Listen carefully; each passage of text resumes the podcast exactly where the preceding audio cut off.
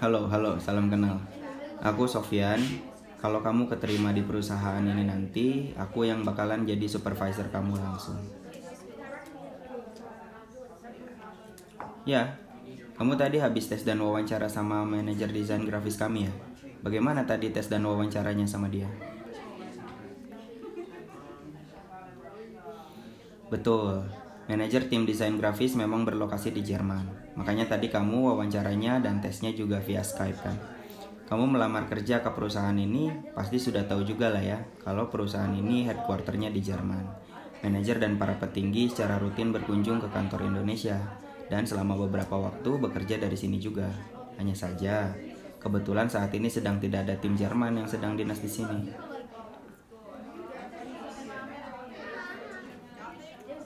Ya, kamu tadi kan video call sama Eric, manajer tim desain grafis.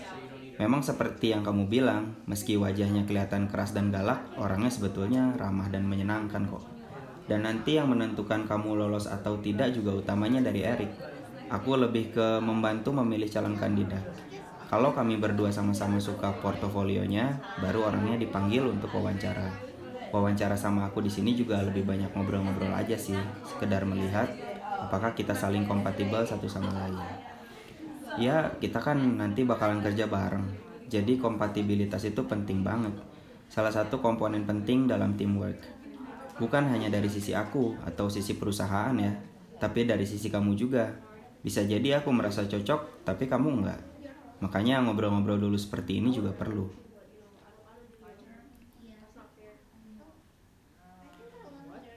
Jadi, kalau baca dari resume kamu, kamu sudah berpengalaman kerja selama 3 tahun semuanya sebagai desainer grafis?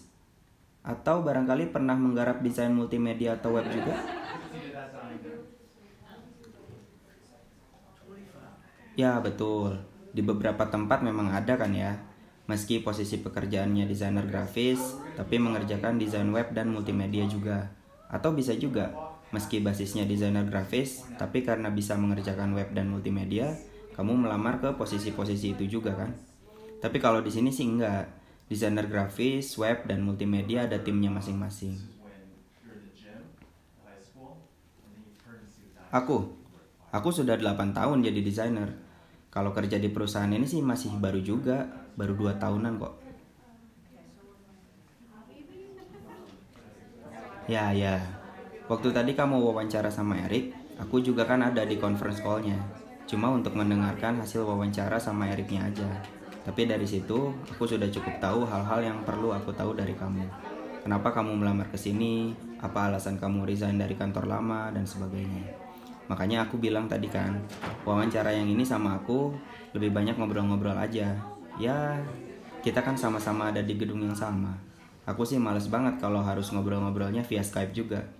Enakan tatap muka. Nah, sekarang apa nih kira-kira yang mau kamu tanyakan tentang perusahaan ini?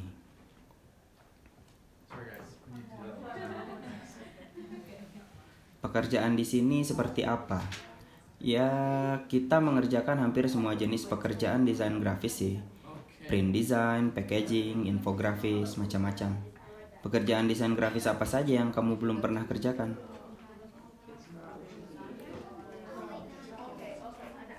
Packaging? Belum pernah? Ya nggak apa-apa kalau belum pernah pengalaman mengerjakan desain packaging Nanti sama aku dan teman-teman desainer yang lebih senior akan dibantu diarahkan kok kalau pas kebetulan kamu dapat pekerjaan desain packaging. Oh ya, kalau di sini ritme pekerjaannya cukup cepat. Soalnya pekerjaannya juga cukup banyak. Bagaimana pengalaman kamu dengan pekerjaan-pekerjaan dengan ritme cepat? Hmm, ya ya ya. Ya, segitu juga cukup bagus kok. Ritme pekerjaan di sini memang standarnya segitu kecuali kalau pas lagi mepet deadline dan pekerjaan-pekerjaan lagi padat banget. Tapi itu juga jarang banget sih. Eric, manajer yang di Jerman, biasanya udah ngatur pekerjaan-pekerjaan itu biar sesuai timeline yang ideal. Kamu punya pengalaman memimpin dalam tim sebelumnya?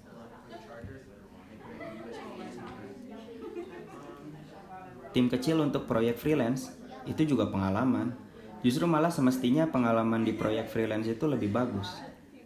Ya, karena kan nggak seperti pekerjaan di corporate yang sudah ada tim sendiri untuk mencarikan proyek. Kalau freelance kan harus cari sendiri, jadi pasti nggak jarang. Meski sedang padat, tapi ada tawaran pekerjaan masuk jadi ambil juga. Jadi kalau kamu bisa survive, berarti manajemen pekerjaannya bagus. Apalagi kalau ternyata bekerja dalam tim juga. Berapa banyak tim kamu waktu itu? 10 orang? Wah, banyak juga. Mengerjakan apa saja itu? Oh iya iya, pantesan kliennya ngorder logo, packaging, dan lain-lain sekaligus ya. Jadi pekerjaannya dibagi-bagi biar cepat dan efektif. Kliennya besar juga berarti ya. Jarang-jarang ada klien kecil tapi ngorder paket desain dalam jumlah besar sekaligus. Iya, iya, aku ngerti dong. Ya, aku kan sudah 8 tahun jadi desainer. Pengalaman juga mengerjakan proyek-proyek freelance seperti yang kamu pegang itu. Tapi kalau dari sisi leadership, aku belum bisa menilai cuma dari cerita kan. Harus lihat langsung. Dengan anggota tim desainer yang lain pun begitu. Setelah mereka diterima bekerja di perusahaan ini, sambil mengerjakan proyek-proyek, aku juga sambil memantau kemampuan mereka dalam manajemen pekerjaan dan manajemen tim. Nah, iya betul. Tim leader dan supervisor yang ada saat ini gak selalu akan ada mereka bisa dipromosikan ke posisi lebih tinggi atau resign. Sehingga posisi mereka kosong, harus ada yang bisa menggantikan dong. Lebih idealnya, yang menggantikan ya karyawan yang sudah lama bekerja di sini, bukan merekrut karyawan baru khusus untuk jadi leader atau supervisor. Tapi bukan cuma itu, perusahaan ini pun dari tahun ke tahun semakin besar. Meski sekarang tim desainer grafis Indonesia cuma saya yang pegang, bukan nggak mungkin ketika jumlah anggota tim semakin banyak, pada saat itu, bisa saja tim dipecah jadi dua subunit, dan masing-masing ada tim leadernya sendiri.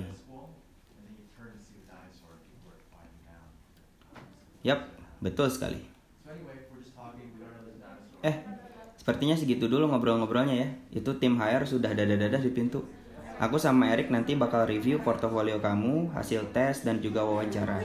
Nanti kami akan kabari lagi via tim HR. Apakah kamu keterima kerja di sini atau tidak?